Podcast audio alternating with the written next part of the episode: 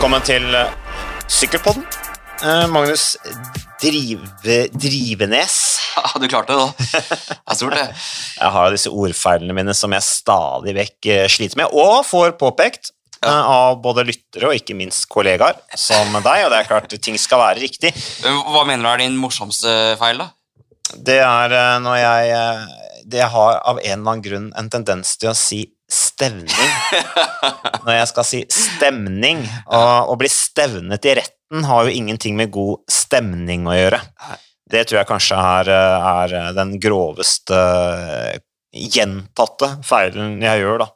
Ellers har jeg sikkert mer også, men jeg tror alle har et eller annet de sliter med. Sånn er livet, liksom. Så, så sånn er det. Men uh, uh, Magnus, eh, du hadde en prat med Kurt Asle Arvesen og Søren Wærenskiold i går sammen med vår kjære kollega Sindre Olsen. Um, det ligger ute på, på TV2 sine nettsider. Ja. Eh, kan du si kjapt om det uten å kjøre en altfor sånn, sånn grov sånn spoiler? Ja, Ja. ja det, det var en sånn sykkelprat med video, så man kan gå inn og se video, hvor eh, jeg og Sindre og Søren og Kurt eh, tar en prat om eh, løst og fast i, i sykkelsporten, annet med Paris-Nice og eh, klassikersesongen, Jumbo Visma, vi snakker litt om andre aktuelle ting. det, Blant annet den her eh, kattesaken til Antonio Tiberi, tempohjelmene til Unex. Ganske eh, fin eh, prat som jeg anbefaler å gå inn og, og, og lytte til. sånn, eller se på, eller lytte Jeg, vet, jeg er litt usikker på hva man sier på det. Men Kan både se og se, lytte. og- se og lytte, det er det som er så fint. Så den finner man på tv2.no og på TV2 si- Sykkel sine Facebook-sider. Altså det, det er bare å gå inn og, og lytte. Jeg syns, eh, syns eh, Søren gjorde en veldig god jobb. Han er, eh, han er en livlig fyr med glimt i øyet og masse vatt. Så det liker vi. Han er et vatter, Søren Wærsvold. Han er det. Eh, og det er som du sier, han har Han er åpen, ung fyr som foreløpig gir masse av seg selv i media. Det gjør han vel frem til han begynner å vinne såpass mye at han blir kjempelei, vil jeg anta. Nei da. Han, eh, jeg tror han skal holde beina godt planta på jorden. Hvis ikke, så skal jeg si fra. Ja, ja men det er bra. det er bra. Eh, du har fått kaffe. Ja, Det er veldig godt, for det er jo dagens første kaffekopp, og det, det trengte jeg nå. Ja, eh, du så litt sånn eh, trøtt og sliten ut når du kom inn døra her, så, så du har i hvert fall det, og så har du Cola Light der, så du har det du skal ha. Men Magnus, det vi skal snakke om i dag, dette her er en spesialutgave, for å kalle det det, for å skape litt forventninger til lytterne våre om hva de får i denne podkasten. Og det er jo da naturlig for oss i dag, som skal sende Paris-Nice fra søndag, åtte etapper eh, åtte dager fremover. Du skal ta første etappen på søndag. Da blir det oss to der. Um, og da blir det altså en spesialutgave av Paris-Nice i denne podkasten. Um, hva kan vi si om Paris-Nice? Det er jo et tradisjonsritt sykkelløp som ble startet av media-mogulen Albert Lejeune fra Paris. Da selvfølgelig, som de fleste andre historiske sykkelløp, for å promotere da en avis den Paris-baserte avisen Le Petit Journal og den Nice-baserte avisen Le Petit Nice. Men eh, han Lejeune, det, det må være han som ble henretta i 1945. Eh, det var noe så, Han drev og lefla litt med tyskerne og okkupantene der i, i, under krigen. Stemmer ikke at han ble, at ble henretta der? Jo, det stemmer det. er Helt riktig. Så øh, mange vil sikkert si at han fikk som fortjent. Jeg er selv motstander av dødsstraff, men han, øh, han, øh, han måtte betale prisen da for å ha leflet med, med nazistene under andre verdenskrig. Så sånn skjedde da med første rittdirektøren av Paris-Nice. Men, men, men sykkelrittet har jo tolv tidens tann, selv om eh, vi på mange måter har kansellert eh, Kanskje i aller, den aller groveste formen for kansellering, da, mm. en henrettelse. Eh, Det er kansellering, Det det er, det er kansellering, ja. Mm, Men vi har ikke kansellert eh, Paris-Nice. Det er jo et fantastisk sykkelritt, og vi gleder oss veldig til å følge det. Ja, det gjør vi, og den første utgaven av rittet besto jo av seks etapper, da under navnet Les Six Jours de la Route. Eh, Rittet fulgte for da meste Råndalen, sånn som de gjør litt nå også, og så syklet da utenom fjellene, fordi at dette var jo tidlig på året, vet du, og da var det jo vinterstengte veier, og i tillegg så måtte jo ikke rytterne bli utsatt for for tøffe belastninger så tidlig på året. Ja, men da, da var det jo litt sånn at uh, siden de styrte unna disse vinterstengte veiene, så var det jo først da de kom ned mot Nis og litt varmt terreng og litt, uh, uh, litt finere vær, at, at, at uh, kupert terreng da påvirket uh, rittet. Det, det, mener jeg var, var, sånn. Det er jo litt sånn det er nå også, mm. med flatt i starten, og så blir det mer og mer kupert etter hvert. Ja, nede i Nis-området der, og du kommer liksom i sydlige delen av Alpene, da, da tilbyr det seg Da er det jo muligheter, selv på denne tiden av året Nettopp derfor rittet til solen, og det er også da ganske kupert. da. Eh, første etappen for øvrig da i 1945, da, det var tider det, Magnus. Da syklet de altså fra Paris til Dijon, altså sennepshovedstaden. 1945, var det ja, da det Ja, 1945, ja. Eh, var det ikke det, da? Det var uh, første utgaven. Det må ha vært i 1933, altså. Ja, 1933, ja. men Unnskyld. For han ble drept i 1945. Han må jo holde, holde, holde, tunga rett i munnen her. Men det var jeg skulle si, første utgaven, da, fra Paris til Dijon, det, det var jo tider som jeg sa 312 km. Altså. Det er historiens da lengste etappe i uh, rittet. Uh, og Alfons Scheppers, han uh, for øvrig, han døde jo i 1984. Han vant jo også Liège-Baston-Liège. Vant det to ganger i 31 og 35, og så vant han Flandern rundt. Han vant også første etappen av Tour de France i 1933, og vant også tre etapper av Spania rundt. Så det var en, en bra mann, det, altså, Magnus. Ja, bra, bra trykk på Alfons uh, Schepers der. Så uh, det var litt før min tid, men du var vel kanskje i din spede begynnelse da, på den tiden, Mats? Ja, det var jo Ja, det var litt før min tid også, men, men altså, vi må jo ikke bli historieløse. Og så er det også viktig å, å si at angående krigen, da, eh, og, og rittdirektøren som Albert Lejeune som ble henrettet, så ble jo ikke ritt arrangert i, altså mellom 1940 og 1945, men så ble det startet opp igjen da i 1946 av avisen Cessoir, eh, som da ble det en virkelig kommersiell suksess også. Eh, allikevel så droppet faktisk avisen videre engasjement, og rittet ble ikke arrangert da mellom 1947 og 1950. Så det har gått litt sånn opp og ned med Paris-Nice. Uh, yngste vinneren er jo René Vito. Han er jo godt kjent, eh, René Vito. Uh, han var bare 21 år gammel da han vant Paris-Nice. Ja, og, så er det vel hans, han eldste som har vunnet rittet, hvis jeg ikke tar feil av. Det er vel bestefaren til en av de aller beste i feltet nå, som dessverre ikke skal kjøre Paris-Nice, men skal kjøre til Rennes Dratico. Mathieu van de Poel sin bestefar Raymond Polidor. Han vant vel, Var det i 73 at han var 37 år gammel? Ja, stemmer. stemmer, ja. Helt riktig. Da hadde du gitt deg for lenge siden. da du ja. var 37. 37 år gammel var han. Ja. Så uh, nå er det mest unge. Nå er det liksom mer uvanlig med en 37-åring som vinner, enn en 21-åring som vinner. Ja. Uh, men fra, Nye tider. Det er nye tider. Så Raymond Polidor han bidrar jo da til en av disse mange franske seierne da i rittet. Det er jo Frankrike som har rekorden i antall seier i Paris-Nice. Eh, men det er faktisk ingen franskmenn som har vunnet sin Laurent Jalabert i 1997. Og det tror jeg ikke det blir heller i år, Magnus. Nei, det tror jeg blir eh, vanskelig. Det er jo eventuelt eh, Pavel Sivakov eller noe sånt, som, eller David Godu som har muligheten, men når Jonas Vingegård og Tadej Pogacar er på start, så tror jeg nok at den, den streaken uten franske vinnere, den blir nok opp mot 26 eh, år her nå, altså ikke mm. Jeg tror ikke det blir eh, fransk seier i år, dessverre. Nei. Uh, og så kan vi også Det er jo litt artig med Paris-Nice. Jeg syns jo det er litt sånn De siste fire utgavene uh, så har vi altså Vi har jo Egan Bernal vant Paris-Nice, vant uh, Tour de France samme året. det er Du har noen Nå stiller jo ikke Egan Bernal i år, men du har både Jonas Wingegård og Tadje Pogasjar til start, og det er jo elleve vinnere av Paris-Nice som også har vunnet Tour de France. Eh, Louison Bobet, Jacques Coutil, Jan Jansen, Eddie Merckx, Jupp Sotemelk, Steven Josh, Alberto Contador, Bradley Wiggins, Garen Thomas og da, som sagt, nevnte Egan Bernal. Um, så det er jo litt sånn test, da. På, uh, altså, vinneren av årets Paris-Nice uh, er med stor sannsynlighet også da vinneren av Tour de France. Ja, vi skal ikke dele ut uh, gule trøya i Paris uh, når vi kommer til Nice her nå, men uh, det, historisk sett så har ikke det vært uh, noe ulempe å vinne Paris-Nice, i hvert fall nå, nå, de siste årene. og Jonas Wingård og Tali Pogasjar, de to store favorittene, begge har vist gryende form. Mm. og herjet på sine scener.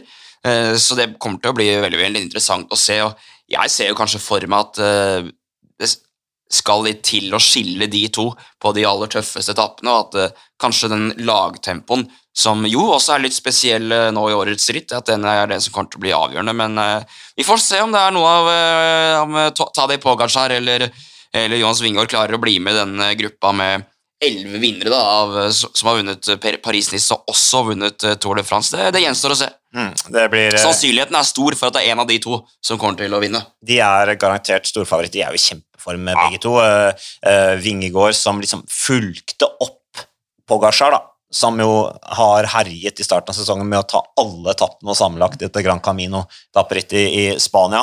Så uh, de to gutta har på en måte allerede startet litt det psykiske spillet inn mot eh, Paris-Nice, så det kommer til å bli en bra batalje. Kommer til å gå fort unna.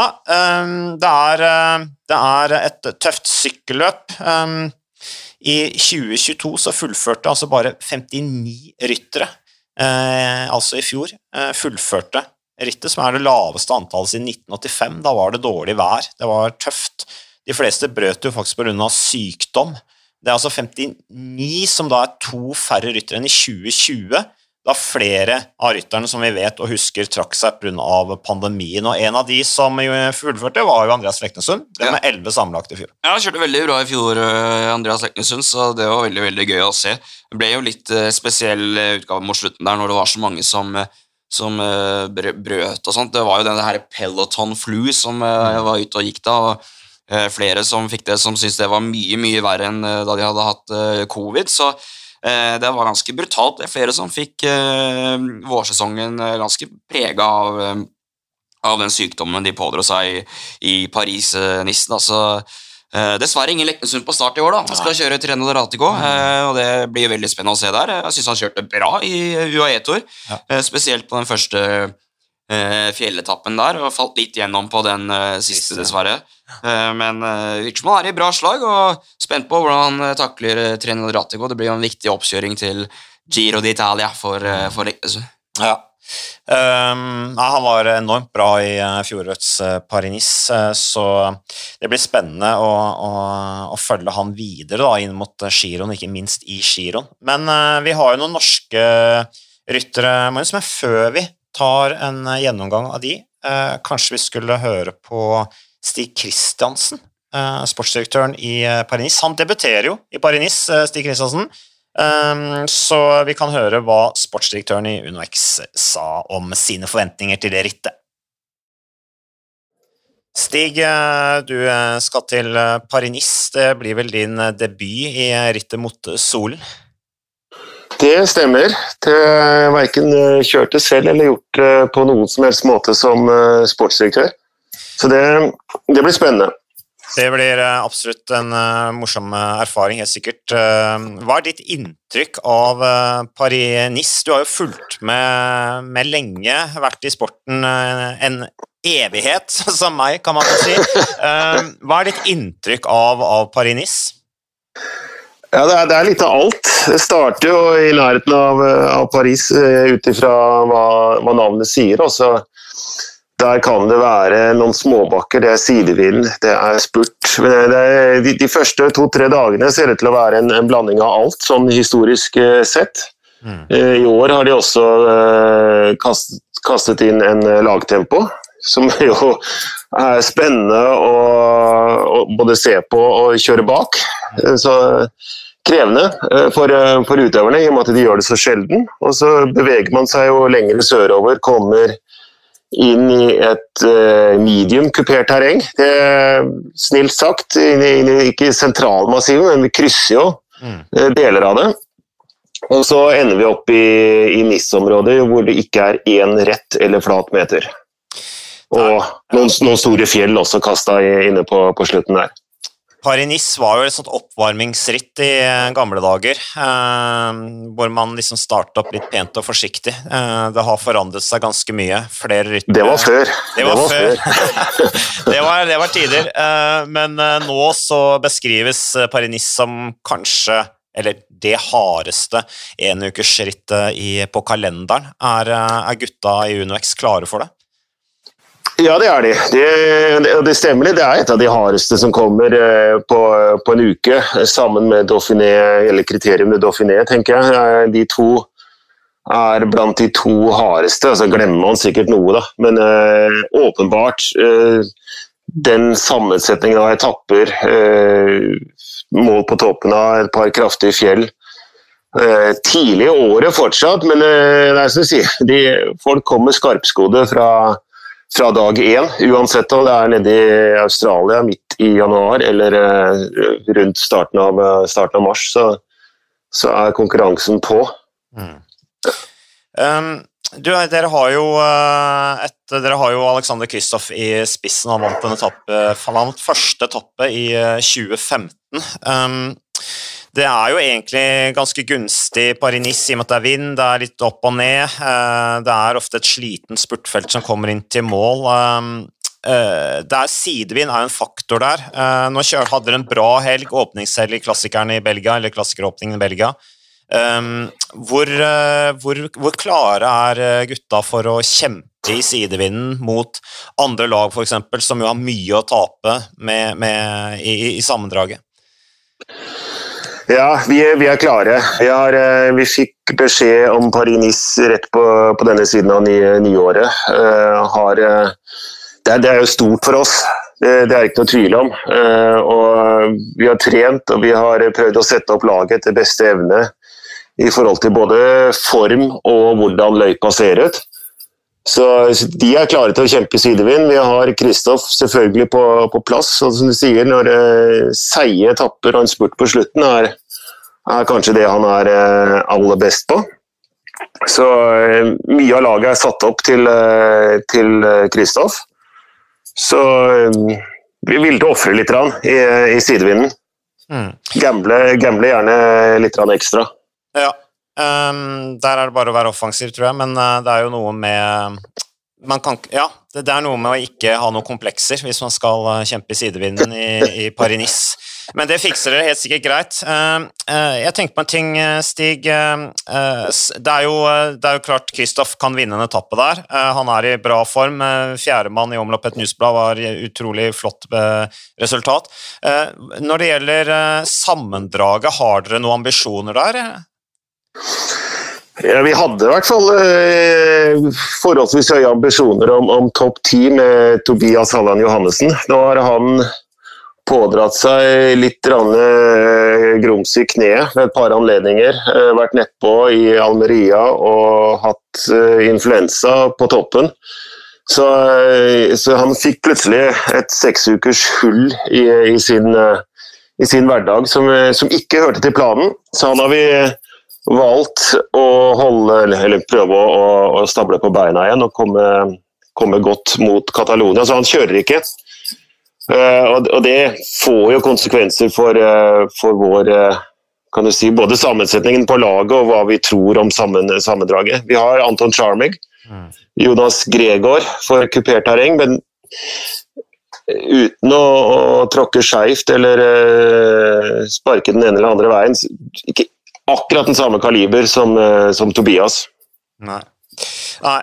Um, men uh, over til Søren Wernskjold. Uh, han uh, har jo hatt en flott sesongstart, han også, med, med seier i Saudi Tour og dette flotte opptrekket han hadde i, i Algarve for Alexander Kristoff, som jo Uh, er et av de beste opptrekkene Alexander Kristoff noen gang har hatt i karrieren. Men uh, nå var han nedpå i Kurn Brussel-Kurn, uh, og vi snakket akkurat om Paris-Nice er et kjempetøft etapperitt. etter hva jeg har fått med meg, så har Søren Wærskjold ennå til gode å, å, fullføre et World Tour-ritt.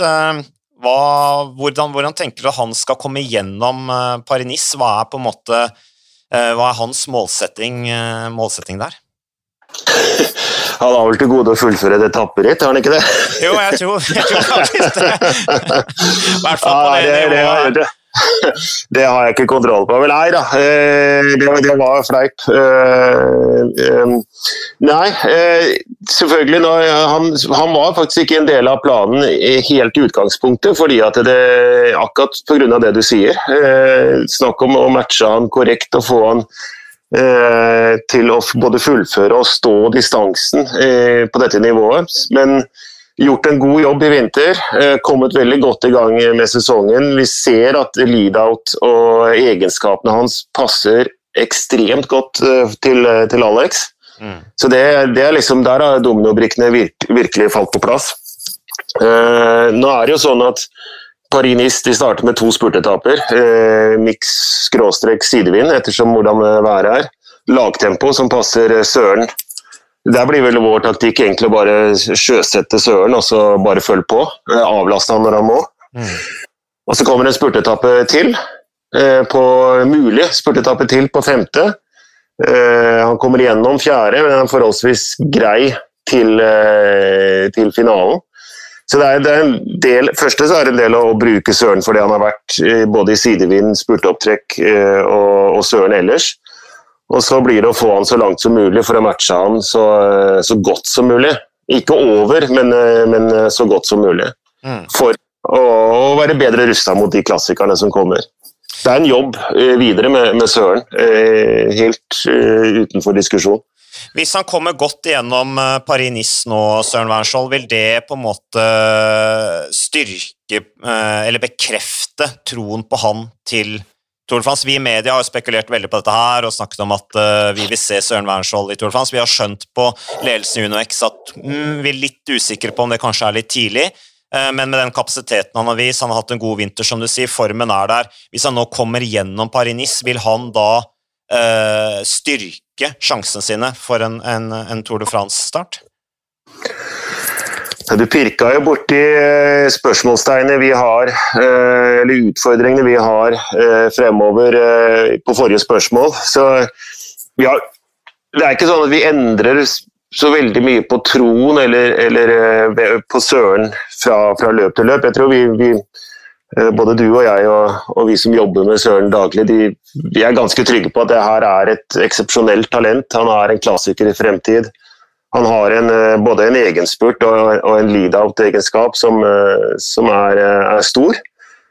Og så Om det fører til eh, Tour de France-start eller ikke, det får se hva som gagner eh, både lag og gutten selv når den tid kommer. Men gode prestasjoner pleier å tale for utøver. Da. Det er jo ikke noe å legge skjul på. Mm. Ja. Nei, men det blir spennende. Men det, du, har, du har jo sett hvor, eh, hvor Tour de France starter. Ja. det er jo ikke verdens enkleste terreng det starter i. så Det, det er jo ikke så veldig mange klassiske spurtetapper i turen i år. Det, det spiller inn på hvordan laget ser ut. Nei, det er eh, en tøff start i Baskeland, og så er det bare å komme gjennom de to første dagene der, og så åpner det seg opp litt eh, mer eh, Blir litt mer pusterom. Eh, men Tour de France er Tour de France. Men eh, Paris-Nice blir en eh, kjempeflott test, så dere får masse lykke til, eh, Stig, og prøve å kose dere i sidevind eh, og håpe på, på fint vær. Og så, eh, og så snakkes vi igjen. Tusen takk for at du stilte på Sykkelpodden. Bare hyggelig. Det var hyggelig å prate med Stig, eh, som tok seg tida til en eh, god prat eh, før han eh, vender nesa til eh, Frankrike og tar fatt på sitt eh, første Paris-Nice. Eh, det er eh, Ja, han, eh, det blir en viktig ritt som for Søren Wernskjold. Eh, det blir jo sikkert en ganske tøff ritt for ham, men med den formen han er nå, så skulle det passe ham bra. Jeg har skjønt at han er ikke altfor skada etter velt i Kurn-Brysselkurn. Nei, det gikk eh, vel bra det med, med Søren, så eh, det blir selvfølgelig spennende å se hvordan han takler dette her. og eh, ja, jeg mener at han bør til eh, Tour de France eh, uansett, for om han eh, eh, Hvis han er i god form eh, når vi kommer til juli, så eh, kan jo han gjøre en helt eh, en uvurderlig jobb for Kristoff på spurtetapper i den første uken. Og det, eh, da er det verdt å ta han med, eh, om han så ryker første hviledag, liksom. For da eh, Man må tenke litt hva er deres beste muligheter, og eh, en av de beste mulighetene er selvfølgelig selv, helt selvfølgelig Alexander Kristoff. Og hvordan skal man da best bygge det rundt Alexander Kristoff? Jo, helt åpenbart Søren Wernskjold. Det opptrekket han gjorde i Algarve rundt, det mener jeg er eh, bare å bestille billett altså, til mm. Bilbao. Da skynde seg, det begynner å bli dyre flybilletter nå Ja. til eh, Bilbao, så det, da må Søren få ut fingeren, altså. Ja, jeg. Kjøpte flybilletter eh, ned dit for noen dager siden. Ja. Det var dyrt, altså. Ja, voldsomt. Så um, det lønner seg nesten å sykle ned. Men jeg er helt enig. Det er uh, Wernstad blir spennende å, å følge. Det jo, de har jo Rasmus Åsum Tiller, de har Anders Skårseth og også som solide menn rundt Alexander Kristoff. Litt, virka litt usikker, Stig, på ambisjonene i sammendraget. Det blir i så fall en bonus som Gregor og Sjarmig lykkes i fjellene der. Jeg er ganske åpent at de savner Tobias Halland Johannessen. Nå reiser han av gårde på samlinger.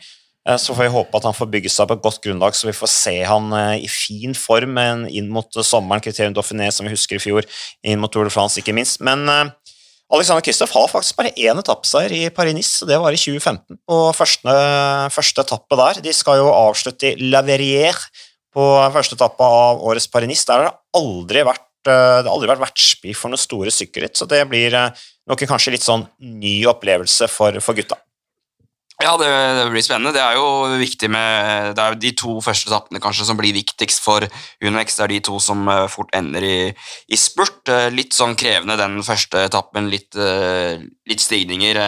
og en liten sånn runde de skal kjøre rundt der, som kan bli litt krevende, men bør ende i en spurt. Og så er jo denne vinden litt sånn Det som kan være litt utfordrende, selvfølgelig. Uh, Søren Wernskjold meldte at han håpet på masse masse vind, så uh, det kan jo bli veldig veldig spennende. Og så, så er det to uh, flate etapper til å begynne med, og så kommer denne lagtempoen på 32 km, som jo er veldig interessant. Noe som er helt nytt med lagtempoen, er jo at Istedenfor å ta uh, tiden på nummer fire over streken eller nummer fem over streken, mm. så er det tiden på bestemann i mål som uh, blir uh, avgjørende. Og da Det er jeg litt spent på. da, litt sånn altså Lagtempo det er stor fordel for Jumbo Visma uansett. ikke sant? Jonas Wingård der har jo Tobias Foss, blant annet, som mm. en helt ellevill hjelperytter på en sånn lagtempo, mens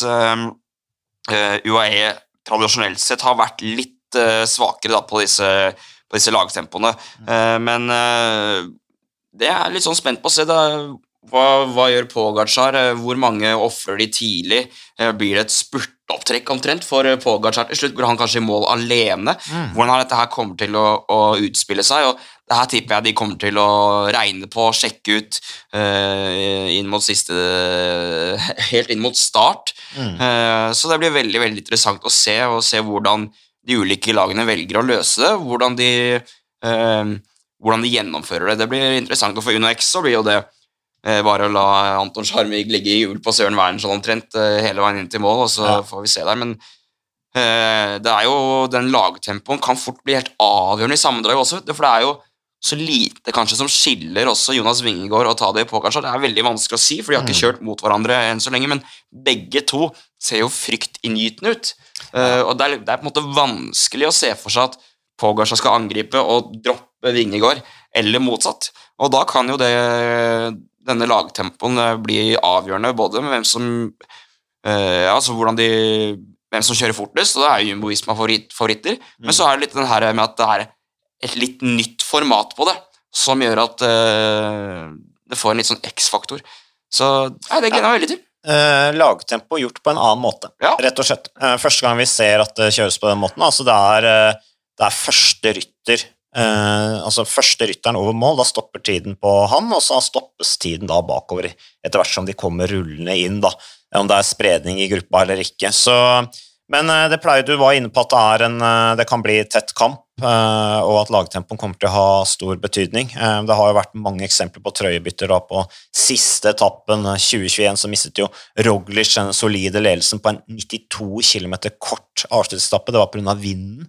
han veltet jo to ganger der, Roglic, var fullstendig utenfor, stakkars. Mistet alle lagkameratene, tapte mange minutter, og Sjakkmann vant jo da samla for andre året på, på rad, tyskeren i bordet Hanskroe.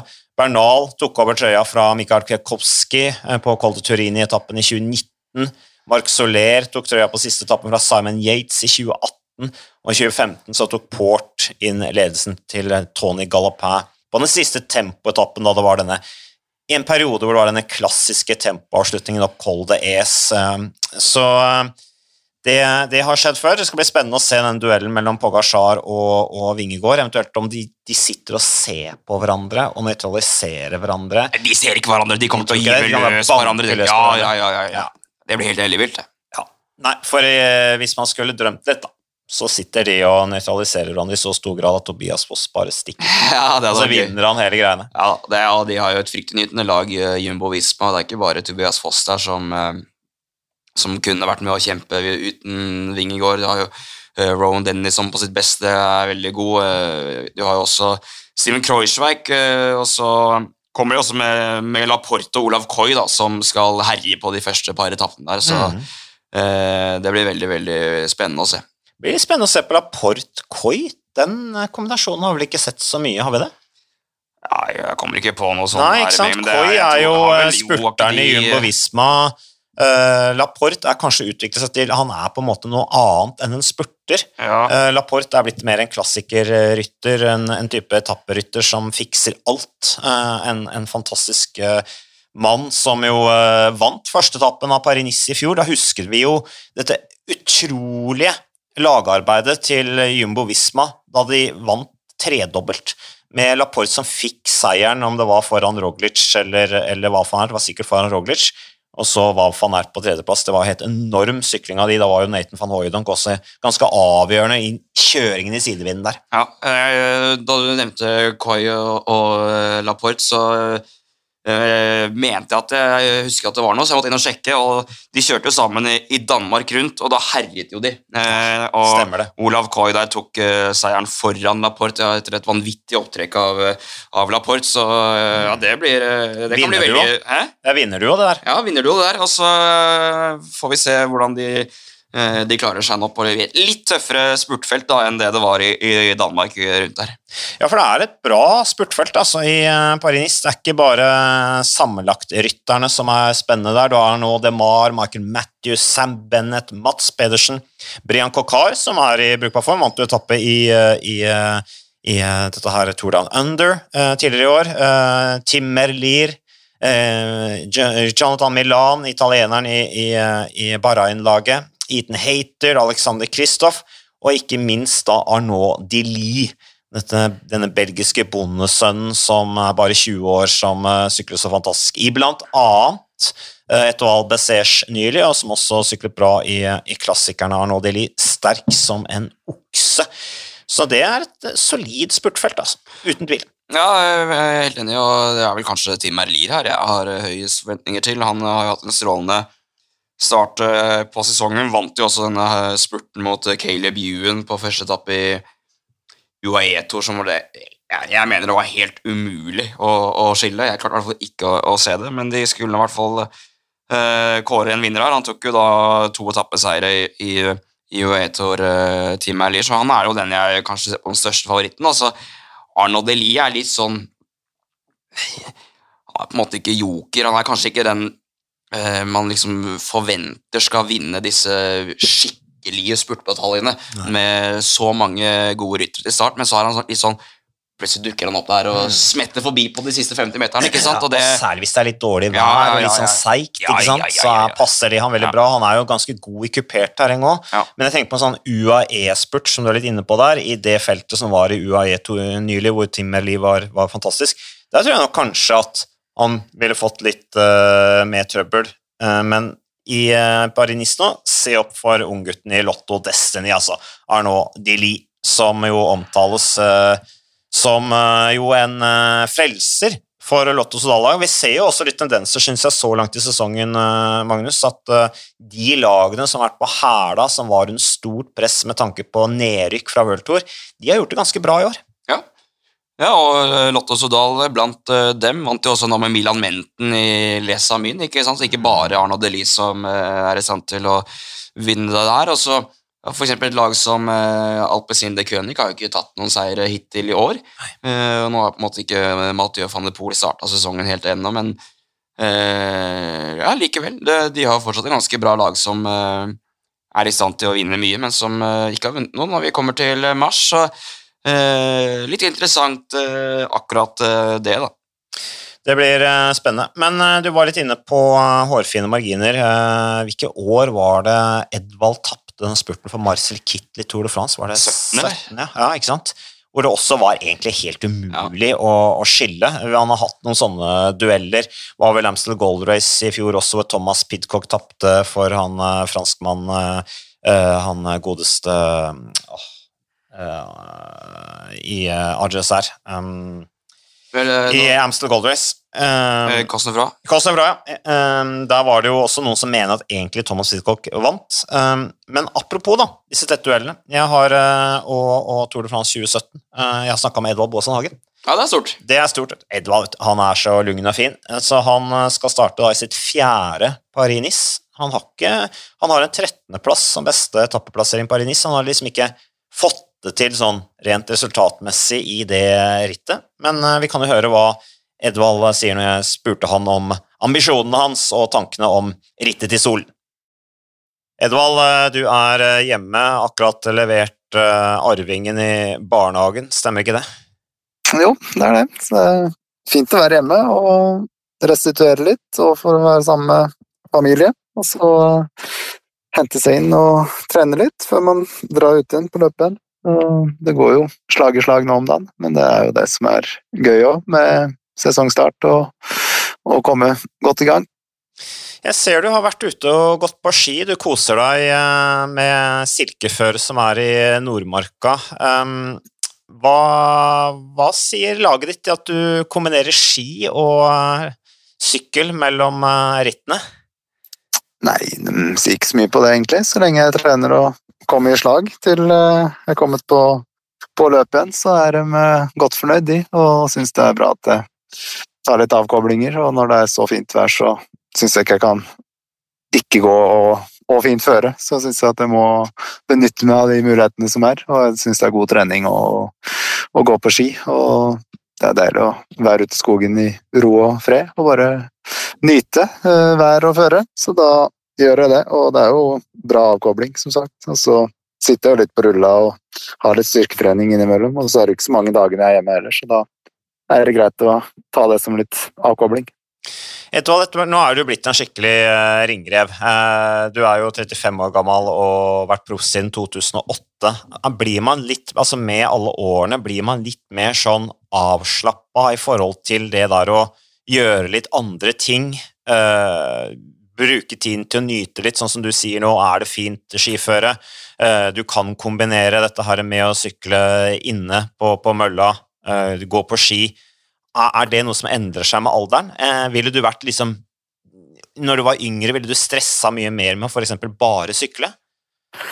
Eh, både ja og nei. Før så gikk jeg jo egentlig mye mer på ski, sånn når jeg var helt i starten av karrieren. Men da bodde jeg oppe på Lillehammer, så da var det jo veldig gode skiforhold i starten. Og så har det egentlig blitt mindre med åra, både pga. føret og og at jeg ikke har følt at det har vært riktig å gå på ski. Men så er det jo trening og greit å koble av litt. Så det blir, som du sier, litt med alderen kanskje, at man bare tar det som funker og må nyte òg for å kunne holde ut i veldig lang karriere. Så må man jo liksom tilpasse seg litt og gjøre litt hva man syns eh, er godt. Og det er jo ikke noe i veien for å gå på ski, på en måte. Det er jo veldig god trening. Så da benytter jeg meg av det når det er så fint vær som det er nå. Og nå kan jeg egentlig kjøre racer òg i Oslo og området rundt der, så det er jo egentlig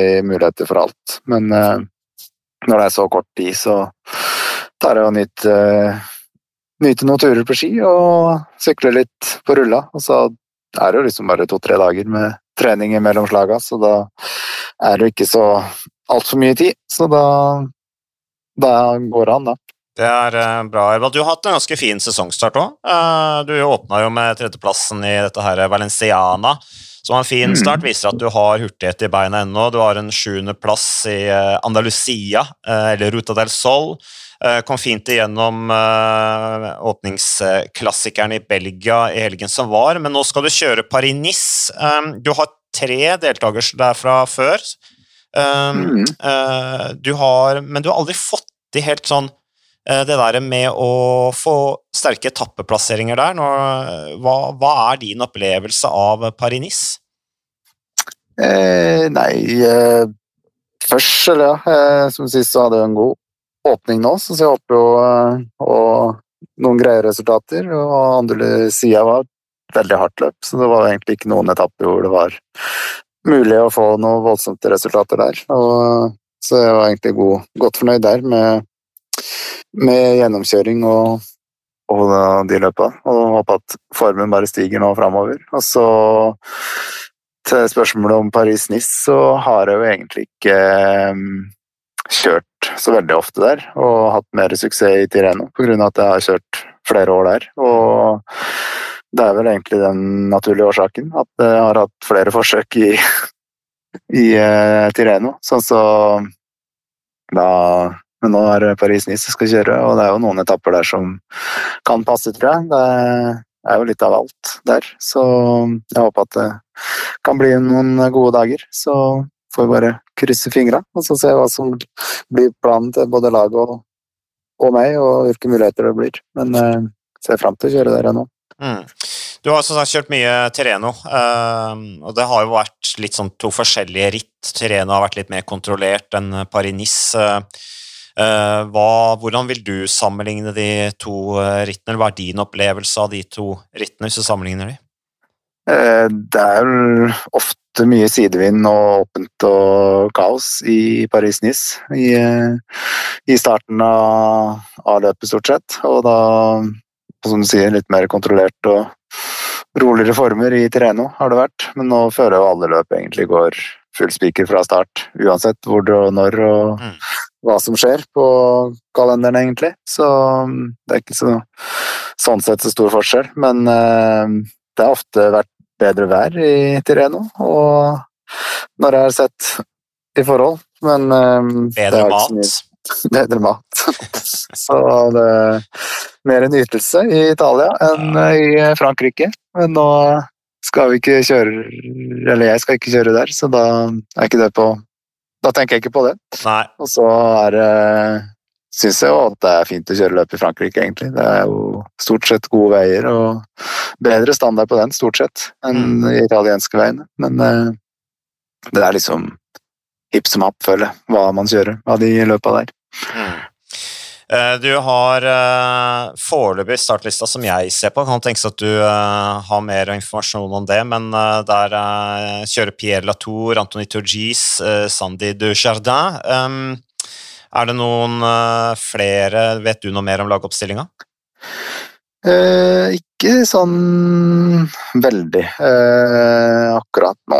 Når, Men eh, det var litt utskiftninger. Eh, det har vært noen skader og litt forskjellig, visstnok. Så litt usikker hva som eh, er endelig liste faktisk nå. Men det ser jeg i morgen når jeg dukker opp på, på hotellet. Så vil jeg se hvem, hvilke ansikter som er der. Så da finner vi en god løsning. Da, ja, det, kan bli en over, overraskelse, det, Edvald. Men uh, hva, hva, tror du, hva blir ambisjonene? Det er først og fremst dine personlige ambisjoner da, i Paris-Nice. Uh, hva tenker du om de? Det er jo å få et bra løp på personlig, altså god følelse. Og så må vi se hvilke etapper som kan passe, men det er jo første og andre etappe ser jo ikke så altfor uh, hard ut, i hvert fall. Så er det en lagtempo. Der har vi ikke sånn jeg har ikke så høye ambisjoner, og jeg tror ikke laget har det heller. Sånn, vi har ikke Det er nok andre lag som er sterkere enn oss der, men mm. vi skal jo tråkke så fort vi kan, og så får vi se hva det som blir ut av det. Men Det er jo litt spesiell lagtempo i år, da. Jeg vet ikke om du har fått det med deg, men de skal jo kjøre altså Det er jo ikke den vanlige med at det er uh, man stopper tida på Er det ikke bare førstemann i mål, holdt jeg på å si? Jo, førstemann i mål, og så for... teller tida på alle på en måte i, i, sammendraget. Så det kan jo være at, det, at man må se litt på taktikken der, da. f.eks. med å spare Pierre Latour hvis han har ambisjoner i sammendraget. Hva tenker du om det?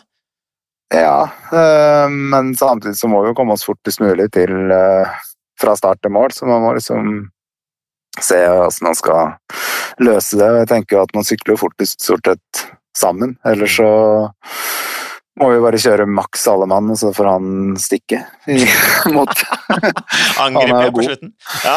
Han er jo god på tempo, så han kjører jo kanskje fortest av alle. Så han kan i hvert fall ikke vente på noen. Men eh, jeg tenker jo at alle må bare gi maks, så får han angripe ja, siste kilometeren eller to. Men eh, stort sett takk så har det jo vært raskest å kjøre sammen. Så jeg tenker at det er den løsningen vi får gå for Mm. i år òg. Men eh, det må man jo snakke om, og så ta der. Jeg skal i hvert fall gi alt det for å levere han så langt fra som mulig. Det høres bra ut, Edvald. Eh, Bare til slutt, eh, du nevnte litt der, nå er det stort sett full gass i alle ritt, eh, og det sånn, Tradisjonelt sett så var det jo Tireno var mer kontrollert, eh, det var en bedre oppkjøring til Milano Sanremo, for man ble litt mindre sliten. Man brukte måte de første ti mila til å trene fettforbrenning. Den tid er eh, over. Eh, Hvordan vil du beskrive sporten nå, kontra da du ble proff i 2008? Jeg føler generelt at det går fortere i alle, både på flate og rolige etapper, hvor du tenker at det liksom bare er transportetappe før og en spurt. Der er det ofte ting som skjer der òg. Og så går det liksom Ifra første fjell ofte så går det jo full gass der òg, støter på hverandre. Så det er liksom Det er mye mer aktiv kjøring enn det har vært eh, tidligere, føler jeg. Og litt mindre Men det føler jeg jo de gamle gutta sa når eh, jeg var ung òg, at det var mindre respekt blant de unge. Men eh, Så Ja. da vet jeg ikke om det er eh, for å forventningene fra de eldre, eller om det er eh, respekten som har forsvunnet. Men eh, det er eh, Jeg føler i hvert fall det. At det er mindre gentleman's agreement i feltet, i hvert fall generelt.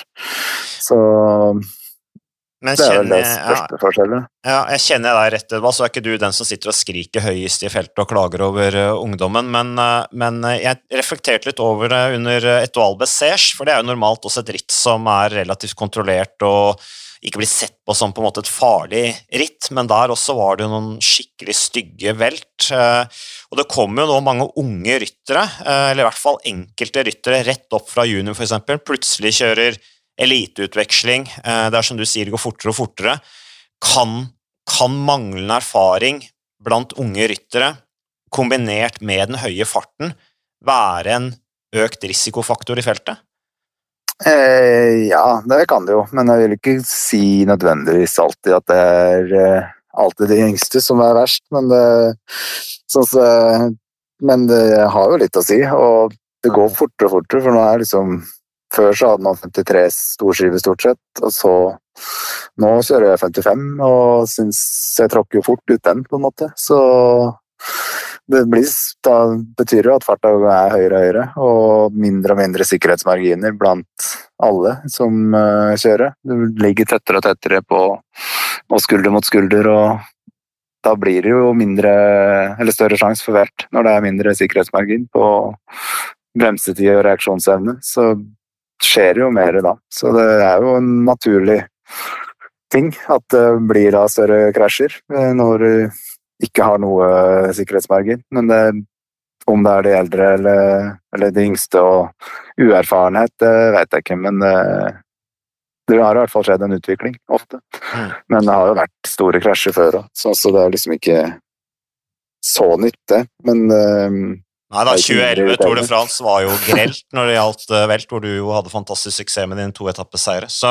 ja. Men der røyk jo Bradley Wiggins ut, eh, blant annet, som jo kanskje har åpnet opp for dine muligheter der. så Sånn, sånn er sporten. Eh, men, det er det. men det er veldig interessant å snakke med deg, Edvald. og jeg skal ikke ta så veldig mye mer av tida di, men du får i hvert fall ha masse lykke til i, eh, i Paris-Nice. Og så får du ha stor takk for at du eh, bidro til Sykkelpodden, og så skal vi følge med på den Mhm. spennende uka som kommer. Takk for det. Så heier på. Takk, Edvald. Ha det bra. Ha det bra. Hei, hei. Ja, takk for til Edvald, altså, som, eh, som gir av seg sjøl. Edvald er en lugn, rolig fyr, som sagt, eh, så det var veldig hyggelig å snakke med han. Jeg, jeg følte liksom at jeg kunne egentlig bare fortsatt å prate med han om masse annet, men jeg syntes liksom at han skulle få fri, da, eh, når jeg først ga meg der. Eh, Blant annet han snakket om 55 krans, ikke sant, og at nå gikk det så fort at nå tråkka de jo som bare det selv med 55 på solskiva. Men da hadde jeg egentlig lyst til å spørre ham hva han tenker om Viktor Kampenar, som nå skal stille med Er det 61 eller 62? Nei, Han kjører jo så voldsomme gir, han Kampenars det er jo helt, eh, helt vanvittig. Men uh, han har ikke, de gira der funker dårlig uh, i avslutningen av Paris-Nice, for der er det kupert. Ja, det er, det er veldig kupert. Vi har snakket om de to første etappene og lagtempo, som er etappe tre. Uh, men fra etappe fire så blir det jo ordentlig kupert da, med en ganske tøff avslutning. Det er avsluttet med en bakke på ca. 7 km med ca. 7% i snitt. Det blir på en måte første litt sånn der hvor Vingegård og Pogacar eh, går head to head. da. Eh, men så kommer det to ganske interessante etapper på etappe fem og etappe seks. For eh, den etappe fem er ganske kupert i starten, tøff i starten. Sammendraget har kanskje satt seg litt. Det er nok duket litt for brudd, men hvis, ikke, men hvis det går et brudd som er mulig å kontrollere, som, som går av gårde der, så er det faktisk bare så er det vel en tre, drøye tre mil fra toppen av siste bakke og inn til mål. Der er det jo muligheter for Kristoff. Eh, kan jo tenke seg at eh, ryttere som Team Merlier ikke klarer den bakken, Mm. og at eh, Trexie Gafredo kjører for Mats Pedersen, eller uh, Lotto Sodal kjører for um, uh, eller Lotto Destiny, som heter nå, Mm. kjører for Arnaud Deli. Eh, og da er det muligheter for en, for en spurt der hvor Kristoff kan være med, og hvis ikke det blir spurt, så tenker jeg litt sånn her må jo Anders Korseth, Rasmus Tiller eh, osv. se sine snitt til å gå i brudd. Jonas Gregor også, som eh, var i et brudd der i Volta Kommentat Valenciana, som holdt inn. Han ble vel nummer tre. Så her er det jo muligheter eh, på, de, på etappe fem og etappe seks da, eh, til enten en redusert spurt med f.eks. Kristoff, eventuelt Tiller hvis han er med i at eh, det er litt, litt mindre felt, Mm. eller at man er i et brudd. da, Og så er det jo på en måte de siste to på lørdagen og søndagen der, som virkelig er litt sånn eh, Der skal det avgjøres eh, med denne brutale det her må du nesten uttale for meg, eh, Mats. Coyol. Ja, Ja. Det, Den, eh, den er, den, det, det, er, det er jo Le Grand Finale altså, Ja. på årets uh, Paris-Nice, uten, uh, uten tvil. Uh, de skal jo selvfølgelig inn på NIS, NIS altså, fra, altså kjøre inn på, på Promenades Anglais, sånn som de gjorde også i fjor, og som de har gjort mange ganger. Eh, Det var jo Simon Yates som vant i fjor i ufyselig vær, men, men den virkelig store samla-kampen, hvis ikke de mister det helt på siste etappen, som jeg har nevnt tidligere i podkasten, kan kan skje. gjøre, ja. Eh, så er det denne etappen til Colda d'Acoyol som er, er eh, Den blir veldig spennende å se, Ja. særlig med tanke på eh, duellantene Vingegård og, og Pogacar. Da. Ja, Det er jo 16 km der med over 7% i snitt, så det, de skal få kjørt seg. da, Men den siste etappen er jo det er en kort, intensiv etappe hvor det omtrent ikke er en eneste flat meter. ikke sant? Eh, der har vi jo sett eh, utrolig underholdende sykkelritt før, og når vi vet eh, hvilke ryttere vi har å ha på startstreken her, så vet vi at det kommer til å bli fyrverkeri også der. Vi ser jo, jeg ser jo det for meg at Vingegård leder med en 10-12 sekunder på Pogacar på den siste etappen her. Da tror jeg ikke Pogacar eh, er fornøyd med å bare sitte på hjul hele dagen, liksom. Det her kommer til å bli Da kommer det til å bli, eh, gå virkelig, virkelig bananas. Så det her eh, Jeg, jeg syns årets Paris-Nice er morsomt designa. Ja. Her er det det er en liten X-faktor med en ny variant av lagtempoen. Mm. Eh, en fantastisk startliste. Uno X på start. En fjelletappe der på eh, nest siste etappe, og en sånn den der tradisjonsrike siste etappen i NIS som vi vet kan bli fyrverkeri. Så det her er jo egentlig som smør i mine ører, altså. Ja, og så er det jo eh, Det er så mange ryttere som bor i området òg, så de kjenner jo disse veiene her som sine egne bukselommer, og det er klart det, det, det gjør jo ikke rittet noe mindre intenst når alle vet hvor de skal sitte til enhver tid når du kommer inn i avslutningshelgen der. Så følg med på TV 2. Vi sender eh, hele rittet. Gleder oss til det. Vi gleder oss til å følge UnoX. Vi kommer til å heie som bare det på Edvald, og vi ser frem til eh, noen skikkelige eh, bataljer mellom eh, storrytterne, bl.a. Jonas Vingegård og Taddy Pogasjar. Takk til deg, Magnus. Ja, selv takk, selv takk. Bra levert. Eh, Du det. begynner bare, du, altså På det historiske så bare blir du bedre og bedre. Eh, takk til dere lyttere som gidder å høre på Sykkelpodden. Eh, vi er tilbake med muligens Jeg tipper det neste episode blir etter Paris-Nice. Takk for oss.